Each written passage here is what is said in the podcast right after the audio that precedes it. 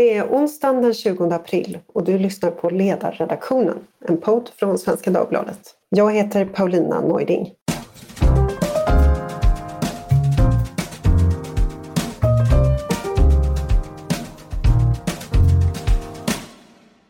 Hon var skribent och redaktör på New York Times ledarsida. Men så bestämde hon sig för att sluta i protest mot vad tidningen hade blivit. Twitter finns inte med i New York Times redaktionsruta, skrev Barry Wise i sitt avskedsbrev som hon publicerade offentligt. Men Twitter är den som ytterst är tidningens redaktör. Att dyka upp på jobbet som någon som står i mitten politiskt borde inte vara något som kräver mod. Nu driver Barry Wise en egen publikation på Substack. Hennes podd Honestly har haft några av den amerikanska offentlighetens mest namnkunniga experter och intellektuella som gäster varje vecka. Vad sägs om Condoleezza Rice, Frances Fukuyama eller Kim Kardashian? hon drar sig inte för kontroversiella teman, som frågan om hur man ska se på simmaren och transkvinnan Lia Thomas seger i en stor simtävling nyligen. Och så är hon med och startar ett nytt universitet i USA. Dagens gäst är Barry Weiss. Barry Weiss, welcome to Ledarredaktionen. Paulina, I'm so excited to be with you. I've been such a fan of your work for, for such a long time. So Bari, you've been an editorial writer with the Wall Street Journal and the New York Times. And when you resigned from the New York Times, you made headlines as far as Sweden. What was that conflict about? In the biggest version of the story, what that conflict was about was, is, because it's an ongoing story, the hijacking of liberal institutions by an illiberal ideology. It was about many other things, right? It was in the proximate story was that it was about the New York Times decision to publish an op ed by a Republican senator named Tom Cotton at the height of the Black Lives Matter protests and riots. But really, what it was about is a conflict over what a newspaper should be. Should a newspaper be, as the New York Times motto has it, all the news that's fit to print, holding up a mirror to the world as it actually is, trying to strive for objectivity, even as we know that we're all subjective? Or should a newspaper be essentially a propaganda arm in service of an ideology, a dogma that calls itself social justice? That is really ultimately what the conflict was about. And this is a conflict that happens is happening at the New York Times and other legacy media institutions, but it's also playing out in our universities, in our publishing houses, increasingly in our tech companies, in corporate America. This is the conflict that is going to characterize, I would say, the battle of our generation and maybe generations to follow. I think one of the reasons that it hasn't been appreciated yet in that way um, is because it sort of resists being defined. Uh, it's a very wily ideology that pretends to be sort of fiendishly complex and smuggles itself into the mainstream under old language but it changes the meaning of words themselves. And so for me, you know, what the reason ultimately that I left was that I had gone into journalism and I continue to do journalism because it gives me a permission slip, it gives me a passport to pursue my curiosity. What this ideology is about is saying that certain areas are off limits, um, that your curiosity is in fact a liability. And so for me, the choice, and this is not a choice that's unique to me, just happened in a really public way, was a conflict between, you know, do I leave and pursue the very things that I went into journalism to begin with, or do I stay and cling to the prestige, um, the ability to get good reservations at restaurants and whatever that that saying that you work at the New York Times offers? And that's a really, really you know that that was it was a very hard thing to get to the door but ultimately i'm thrilled that i walked through it. You wrote in your resignation letter that uh, truth is no longer a process of collective discovery but an orthodoxy already known to an enlightened few whose job it is to inform everyone else. What did you mean by that? Well, i don't think i could put it any better than i did in that sentence quite honestly but what i meant is that according to this dogma according to the new orthodoxy. You know, we know what good and bad is. We know who's on the side of righteousness and who's on the the wrong side of history. We know who walks in light and who's cast out into the darkness. And everything is sort of slotted in to that narrative or really like that binary. And so, you know, just to choose one of so many examples, when in the summer of 2020, in the name of Black Lives Matter, all of these businesses were burnt down in cities like Kenosha, Wisconsin, right? The hmm. narrative insisted that this is what justice looked like. Or that the protests were uh, peaceful. Yeah, that the protests were peaceful, or that they were, if not peaceful, the understandable cry of the oppressed. Hmm. But what happens, you know, as my wife discovered in her reporting, she was then a reporter at the New York Times when we met. She's also since left. When she discovered that the majority of those business owners, not only did they not have insurance, but they themselves were, you know, middle class minority groups you know, some of them Palestinians, others from other parts of the Middle East. Well, that complicates the narrative that somehow, you know, these are the landlords that can deal with the consequences of these protests. But, you know, when, when you come up with things that complicate the narrative, those things are either ignored, they're papered over, or they're so, sort of somehow justified. Um, and and I saw that pattern play out again and again and again and again to choose another example, right? When a white supremacist, a neo Nazi named Robert Bowers, came to my synagogue a mile from where I'm sitting right now here in Pittsburgh and murdered 11 Jews in the midst of Shabbat morning prayers, that was morally clear. Everyone could condemn that because everyone knows that white supremacy is evil as it is. But what happens when the victim of Jew hatred is an ultra Orthodox Jew walking down the streets of Brooklyn and they're beaten or hacked with a machete as they were in upstate New York by a person of color, a person that, according to this ideology, can only ever be a victim and not a victimizer. Well, I'll tell you what happens. Those kinds of attacks are ignored. And Paulina, I'm sure you're nodding along only because you've seen this exact same thing play out in an earlier version in your own country.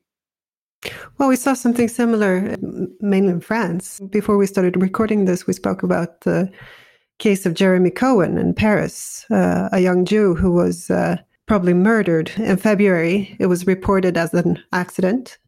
Uh, he was killed by a tram, and it later turned out that he was probably pushed by a by a gang who were, and that it was uh, an anti-Semitic attack. And legacy media in France failed to report on this in an objective and truthful way. And the reason they failed to do so was probably because this was anti Semitism and not some other kind of racism. But isn't it also because, Paulina, that the perpetrators, um, as you were explaining to me before, mm. are are Islamists, right? They are to be, yes. Mm. Right. And that's become a kind of untouchable subject. Yes. And that has to do with this ideology which sees people either as victims or as oppressors. Exactly. So there's this dichotomy where you you're either or, and that comes in the way of seeing things the way they are. Well, it, what it does in in the particular case of anti-Semitism is declare that you know certain Jews are inconvenient. They're inconvenient victims, and so they therefore they have to be ignored.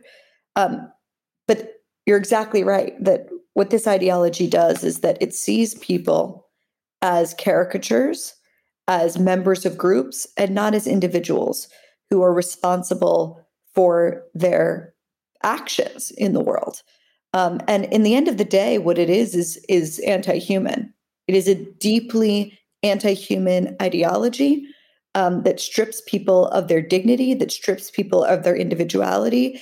And while right now, oftentimes Jews are finding themselves in the teeth of it, it ultimately, you know, it ultimately is terrible for everyone who wants to live in a world where they're judged based on their individuality, based mm. on their merit, based on their character, and not based on the circumstances of their birth.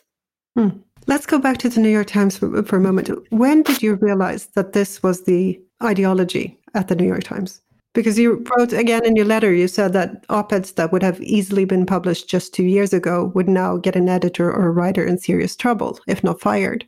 So, what happened? It's really interesting. I mean, from the beginning, I went in with eyes wide open. you know, it, from the beginning, I wasn't cool. I wasn't invited to sit with the cool kids in the cafeteria. Indeed, there were some colleagues that never spoke to me at all and spent their time sitting a few desks away from me, subtweeting me on the internet and never got in trouble for it.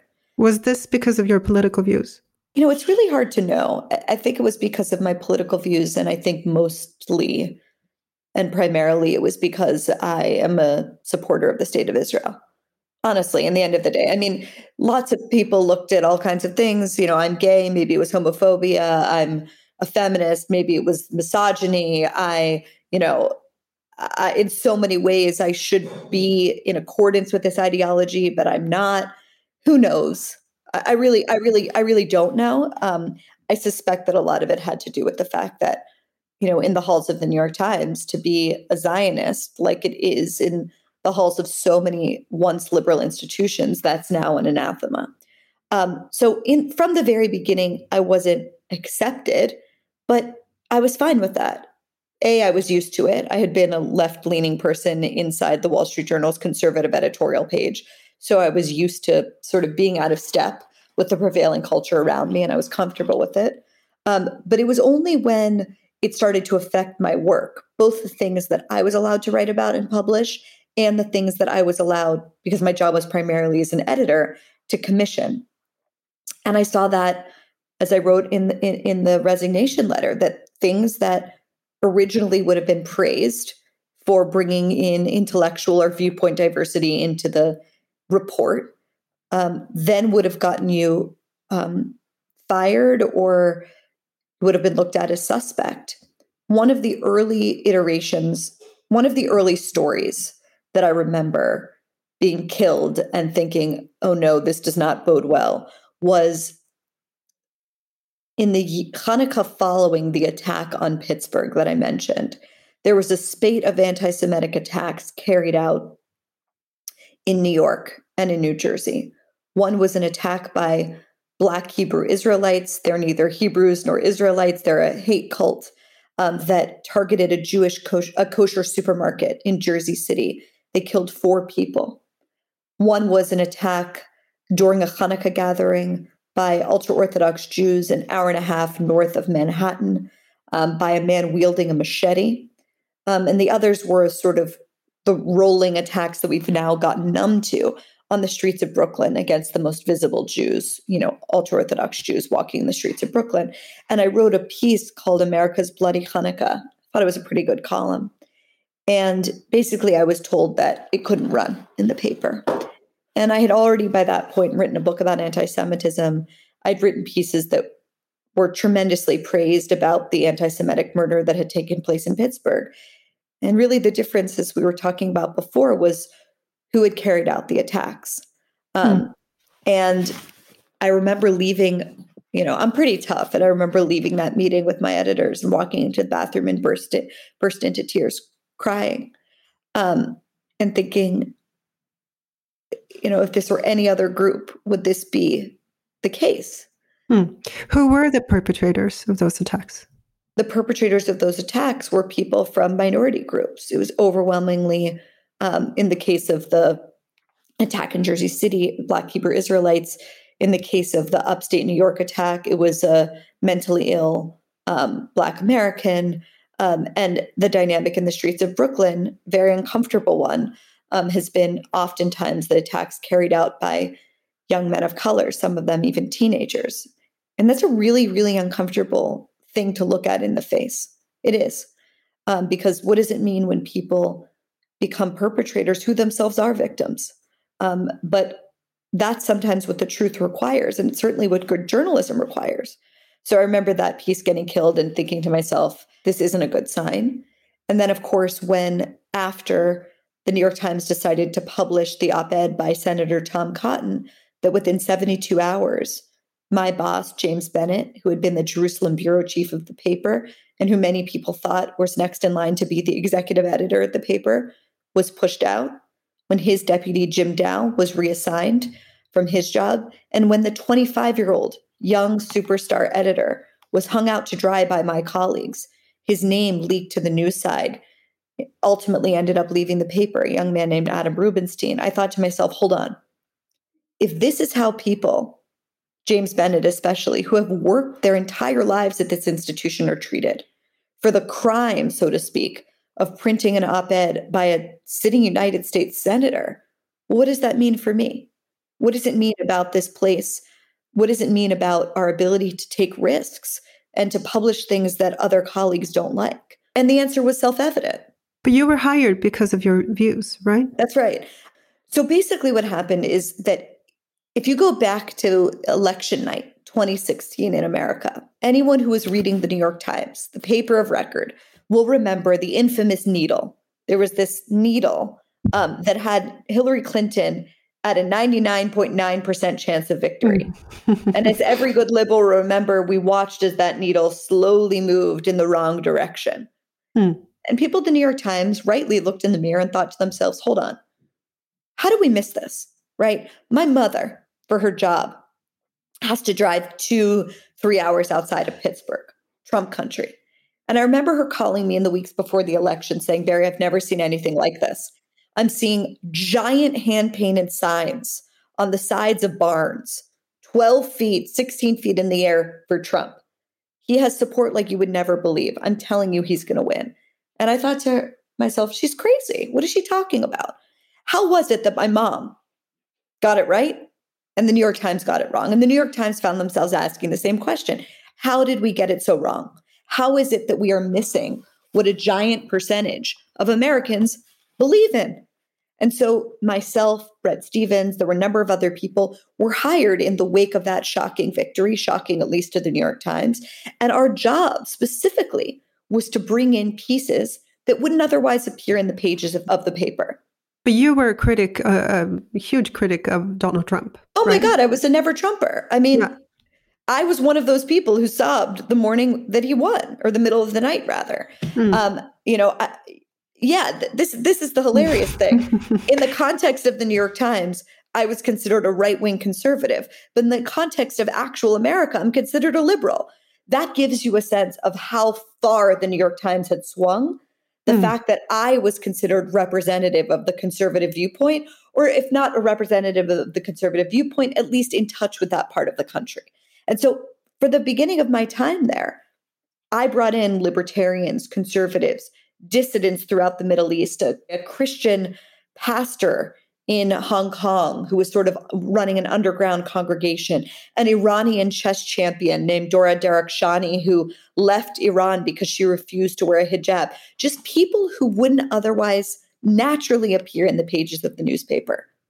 And it was the greatest time of my career. It was unbelievable because okay, so what? I wasn't popular in the paper, but I was bringing I was getting to elevate voices to a audience of millions of people. It was unbelievably gratifying.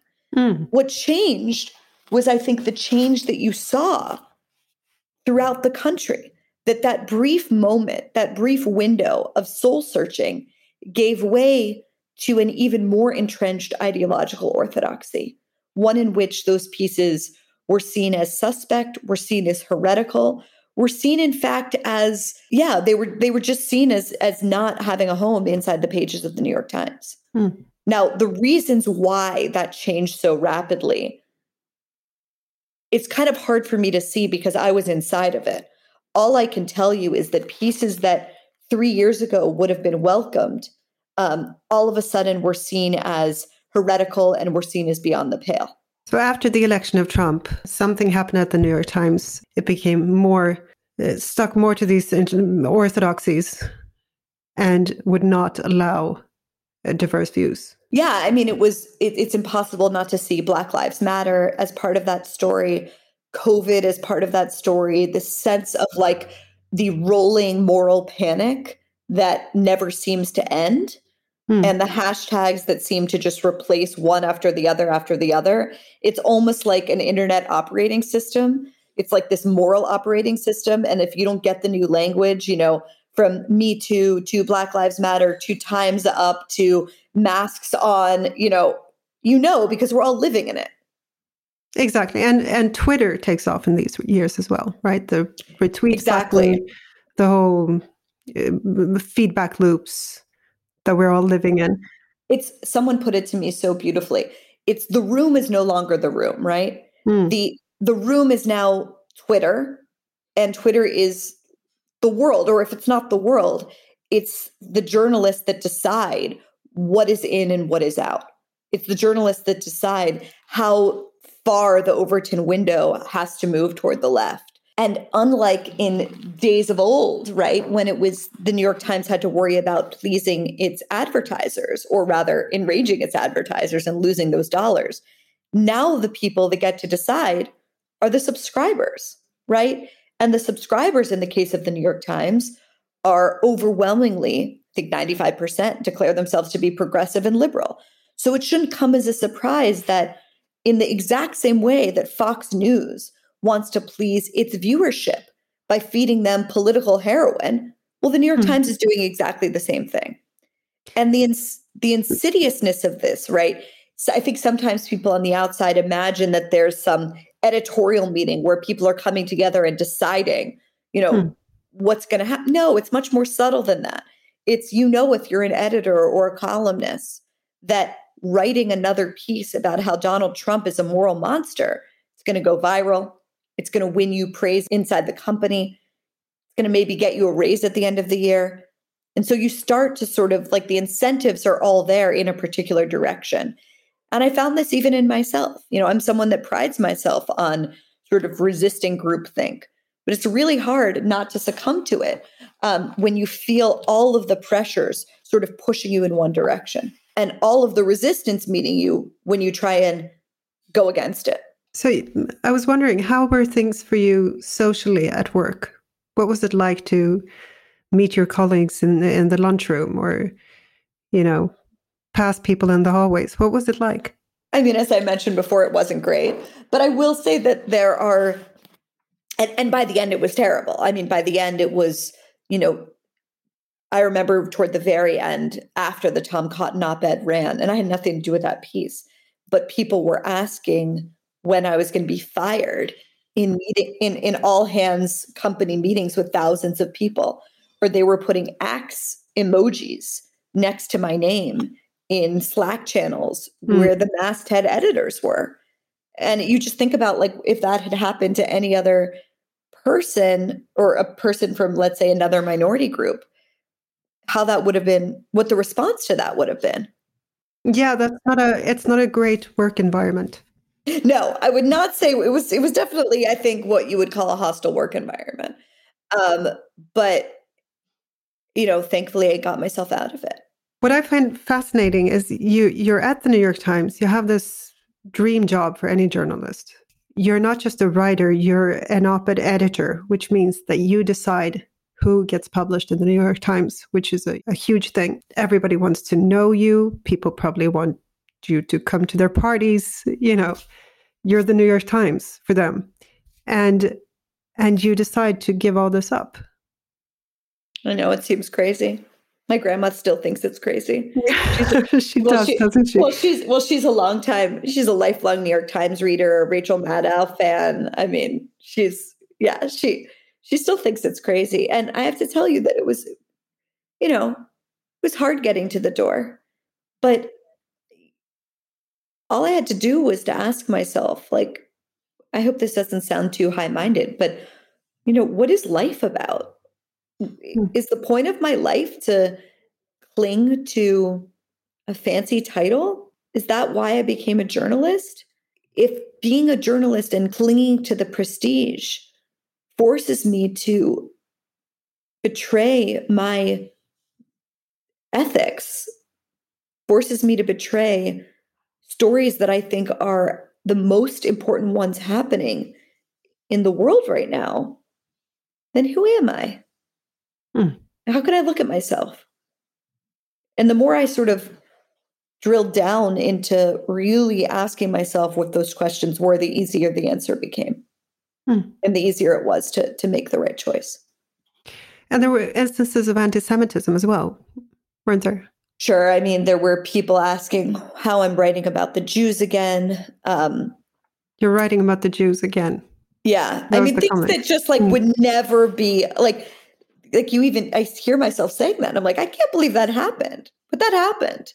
Um, and again, just the just the unbelievable double standard, right? So I think about Alice Walker, beloved writer for The Color Purple, but also an unrepentant anti-Semite that's written poems about, you know, the blood-sucking rabbis of the Talmud and believes not just in that, but believes in David Icke conspiracy theories like the lizard Illuminati.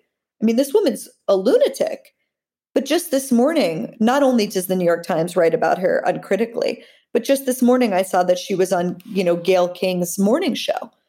So it's it's just really the double standard. It's if you are in keeping, if you're of the right identity and you're in keeping with the ideology, nothing you do is scrutinized. But if you're someone who has outed yourself as being skeptical of it in any way, everything you do is scrutinized to within an inch of its life. So I remember a story that I wrote about a restaurant having to, we had to run a correction because I cited the wrong amount of cilantro in a recipe. I remember that one. Right? you, yeah. And, yeah. There was something about cilantro in the Middle East, right? Right. And yeah. yet things that like literally, you know, profiles about Alice Walker that are mm. uncritical, mm. you know, sail into the paper. And it was that story again and again and again and again. And you've also been a victim of a Twitter mob, right? You tweeted something which went viral and uh, you had a horrible experience. Yeah, I mean, I, I've been, as they say, the main character of Twitter more times than I more times than I want to count. It, this one, I think that you're thinking of was early on, and I tweeted a, a video of an incredible American figure skater, and I quoted a line from Hamilton: "Immigrants, they get the job done." And again, because if you're on the wrong side of this ideology, everything you do is looked at in the worst possible light. I was called a xenophobe and an immigrant hater. When, of course, I mean, I'm on the record over and over. I've, I'm extremely pro-immigrant. Um, you know, probably people on the right would accuse me of being like an open borders type. I mean, there's nothing in my history that would suggest that I'm a xenophobe. I think of America as one of its great strengths as being a nation of immigrants. I myself, like every single American, is descended from immigrants. And yet I was accused of the worst kinds of bigotry. And I think anyone who doesn't admit this is lying. It was really painful. Really, really painful because it's not just a few people. It's it's thousands and thousands of people who have never met you saying the worst possible things about you, smearing you, lying about you. And there's nothing you could do about it.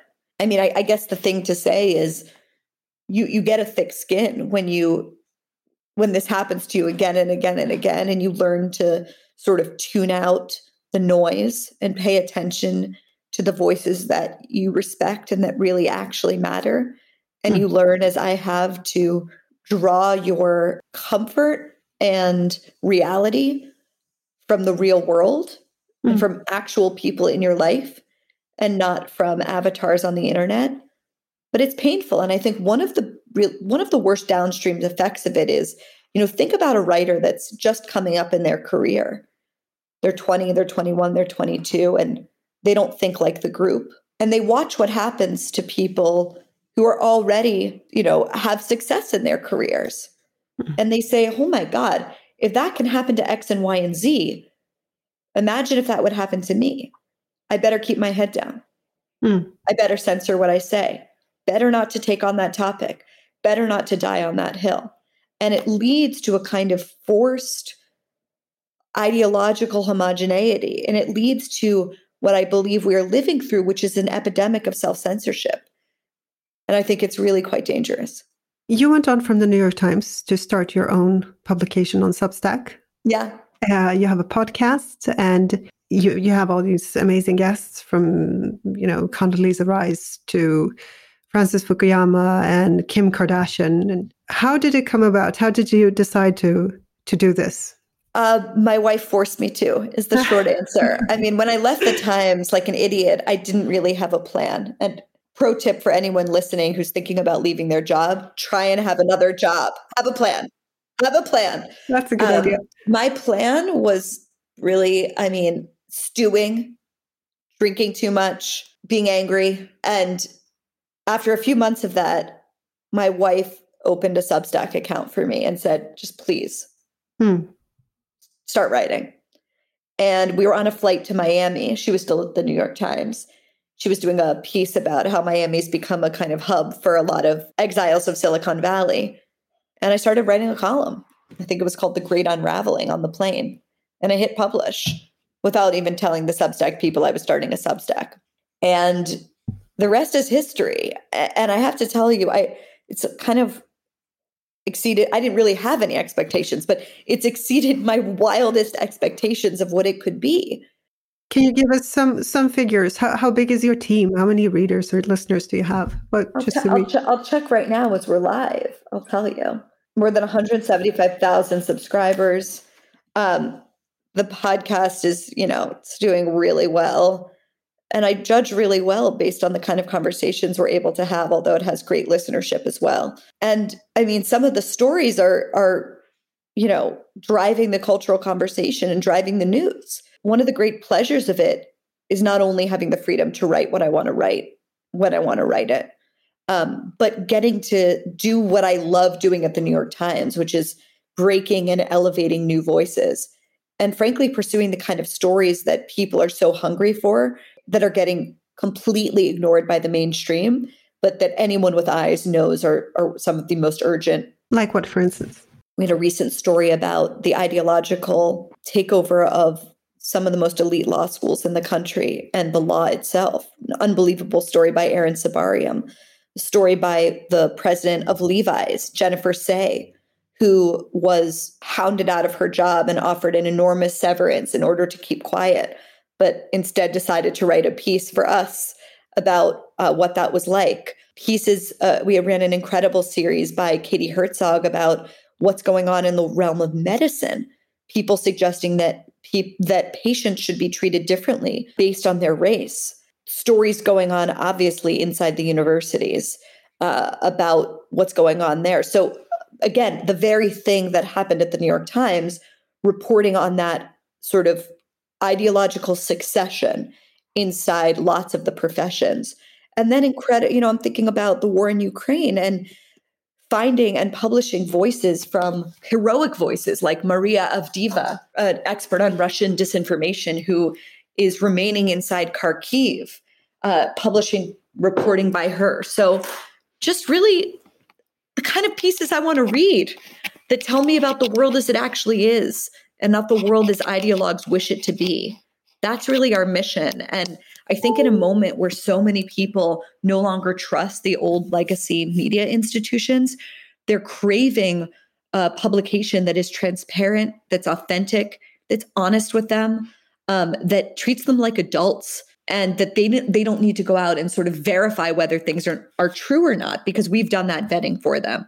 That's what we're trying to do and I'm just unbelievably proud of what we're building. Bari, you've written an excellent, widely acclaimed book called How to Fight Anti-Semitism. What made you write that book? What made me write that book um, was the attack on the synagogue where I had become a bat mitzvah tree of life I woke up uh, on that morning in October to a text from my sister.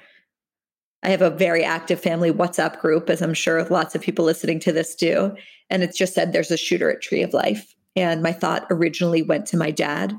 There's three different services that meet there on Shabbat mornings, and he sometimes could be found at one of them. Thank God he wasn't there. But Pittsburgh is kind of like a 21st century shtetl. And we knew several of the people who were murdered that day. I had a, a, contract to write another book that I'm still on the hook for about what's going on in the culture. But I just found myself unable to look away from this subject and really asking myself for the first time whether America was as inoculated from the virus of anti Semitism as I had been brought up to believe that it was. And what was it that had made this country such a singular experience for diasporic Jewry and whether that was still going to be true in my lifetime and in the lifetime of that of my children. And so I wrote the book really to answer those questions for myself. Um, and they just felt urgent and burning. Uh, and I wrote it, I mean, it was the fastest thing that I've ever written. You distinguish between three types of anti Semitism. Traditionally, we've thought of anti Semitism as a phenomenon on the on the extreme right. But you talk of left wing anti Semitism and Islamist anti Semitism as well. Yeah, because I think that, you know, because of the long shadow of the Holocaust, the Shoah, it's easy for people of conscience to see what hate looks like when it comes from the far right. It's unbelievably familiar to us. But I think it's less clear and it's less easily identifiable, I think, often, especially for liberals and progressives, when it comes from those other sources. And so I really wanted to explain to people what those kinds of anti Semitisms look like, how they often present themselves differently, and in fact, how they often present themselves in language that is a siren song um, to, to liberal ears, and why it's so important to see with clarity what it really, really is. We can see on the left Jews being excluded from campus groups or subjected to anti Semitism by the leaders of the, the Women's March, for instance. What, what's going on there? I mean, I'm working on a story right now, editing a story about anti Semitism at one of the most elite law schools in America, where there's been, you know, where dozens of student groups are talking about the Zionist grip on the media it's like protocols yeah. of the elders of Zion, or where students are tweeting, "My love language is Marg bar Israel, death to Israel," um, where they're saying that Zionism is by design an ideology that promotes violence and hatred against Palestinians. They're talking about Jewish whiteness. I mean, it's really out there. It's really extreme. This is happening inside NYU. So this fixation on skin color is actually harming Jews because Jews are seen as white, although not all Jews are white. But yeah, I mean, I think one of the ways, at least in America, that Jews are hurt by an ideology that sees everything in terms of race and in terms of black and white is that, you know, on the one hand, we are sort of hunted by neo Nazis on the far right. But at the very same moment, the far left tries to turn us into the gravest sins of 21st century progressivism, right? Which is racism and colonialists. It says that we are racist because we have white privilege, because we appear to be white, because we are white adjacent to white supremacy and we don't try and overthrow it. We claim to be minorities, but look at how much success we have. And it also claims that we are loyal to the last standing bastion of white colonialism in the Middle East, which is Israel.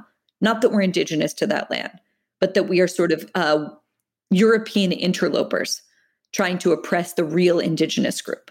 So it's very much that we are sort of getting squeezed in both directions. One group tries to kill us, that's neo Nazis, and the other group tries to turn us into neo Nazis. And then we have the third group, which might be the most difficult one to talk about um, anti Semitism within immigrant communities in France, in the US, or in Malmo. I mean, you, you know far more about this than me. You're the you're one of the writers that I've looked to to help explain it to me. Listen, I think that we're about to start Passover, right, in a day mm-hmm. from now. And the great line of Passover is don't oppress a stranger because you yourselves are strangers in the land of Egypt. I think it's repeated almost more than any other line in the Hebrew mm. Bible. And it's a gorgeous line. And there's a reason that Jews maybe especially in America, you can speak much more articulately to, to European Jews, have prided themselves on welcoming the welcoming the immigrant, on welcoming the stranger. The reason that the Tree of Life killer selected that synagogue is because the previous Shabbat it had participated in refugee Shabbat, right?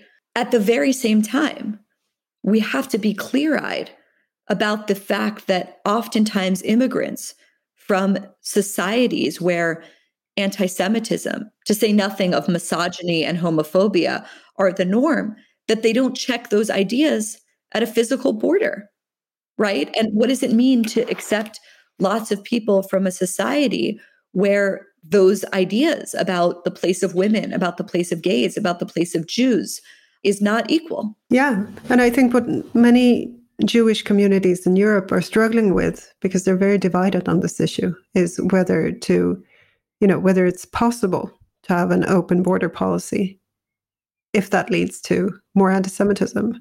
Right. You know, the, the giant diaspora from France to Israel right now. One of the things that is surprising and that I might do a story about is the influx of Jews from places like France, but also other European countries mm. to Israel, you know, is is a story by now that's acknowledged and everyone can see. What I think is surprising and what I'm starting to see more and more of is young American Jews uh, who have been in the teeth of this ideology at elite universities saying to themselves, maybe my future isn't here, maybe my future is in Israel. And there's sort of a quiet aliyah, a quiet immigration movement happening among American Jews as well. Because of anti Semitism? Yes. But it's not anti Semitism of that our grandparents would have been familiar with, right? At least our grandparents that suffered in under the Nazis, right? It's it's anti-Semitism more of the Soviet variety. It's anti-Semitism that says you can be a Jew if you can be a Jew only if you give up X and Y and Z. You can be a Jew if you disavow Israel, if you disavow Jewish power, if you disavow Jewish particularism. And there's a lot of young Jews increasingly who are saying, no, that bargain's not worthwhile. Bari, one last question. If a young person, someone you care about, a niece or a nephew, came up to you today and said, I want to be a journalist, what would you say? Do you think it's a good idea? Of course. It's just that good journalism, like so many other things right now, might not happen in the places that historically you've expected it to happen. And that you might not find your career in the kind of institutions that people like me once took for granted. That it's going to be harder. It's going to be more of an uphill battle. You might have to be more of an entrepreneur in addition to being a journalist um, that people a generation ago would have had to be, but that that's okay. And that everything was once a startup and that every institution has been built by people who were dissatisfied by the status quo. And that especially for Jews, like we're the people that's learned to rebuild uh, and renew. And that I have to say, I'm more optimistic now, having left the paper, um, th- than I've been, than I certainly was when I was there. It's harder work. Um, it requires skills that they don't necessarily teach you in journalism school. You have to fight harder to find your readers and find your audience. But I find it ultimately unbelievably gratifying and liberating and very much feel like I'm fulfilling my mission. Barry Weiss, thank you so much for being on Ledarredaktionen. Helena, my absolute pleasure. Och tack till er som har lyssnat. Ni får jättegärna höra av er till oss med ris, ros eller förslag på vad vi ska ta upp för ämnen härnäst. Tekniker idag var Jesper Sandström och jag heter Paulina Neuding. Jag hoppas vi hörs snart igen.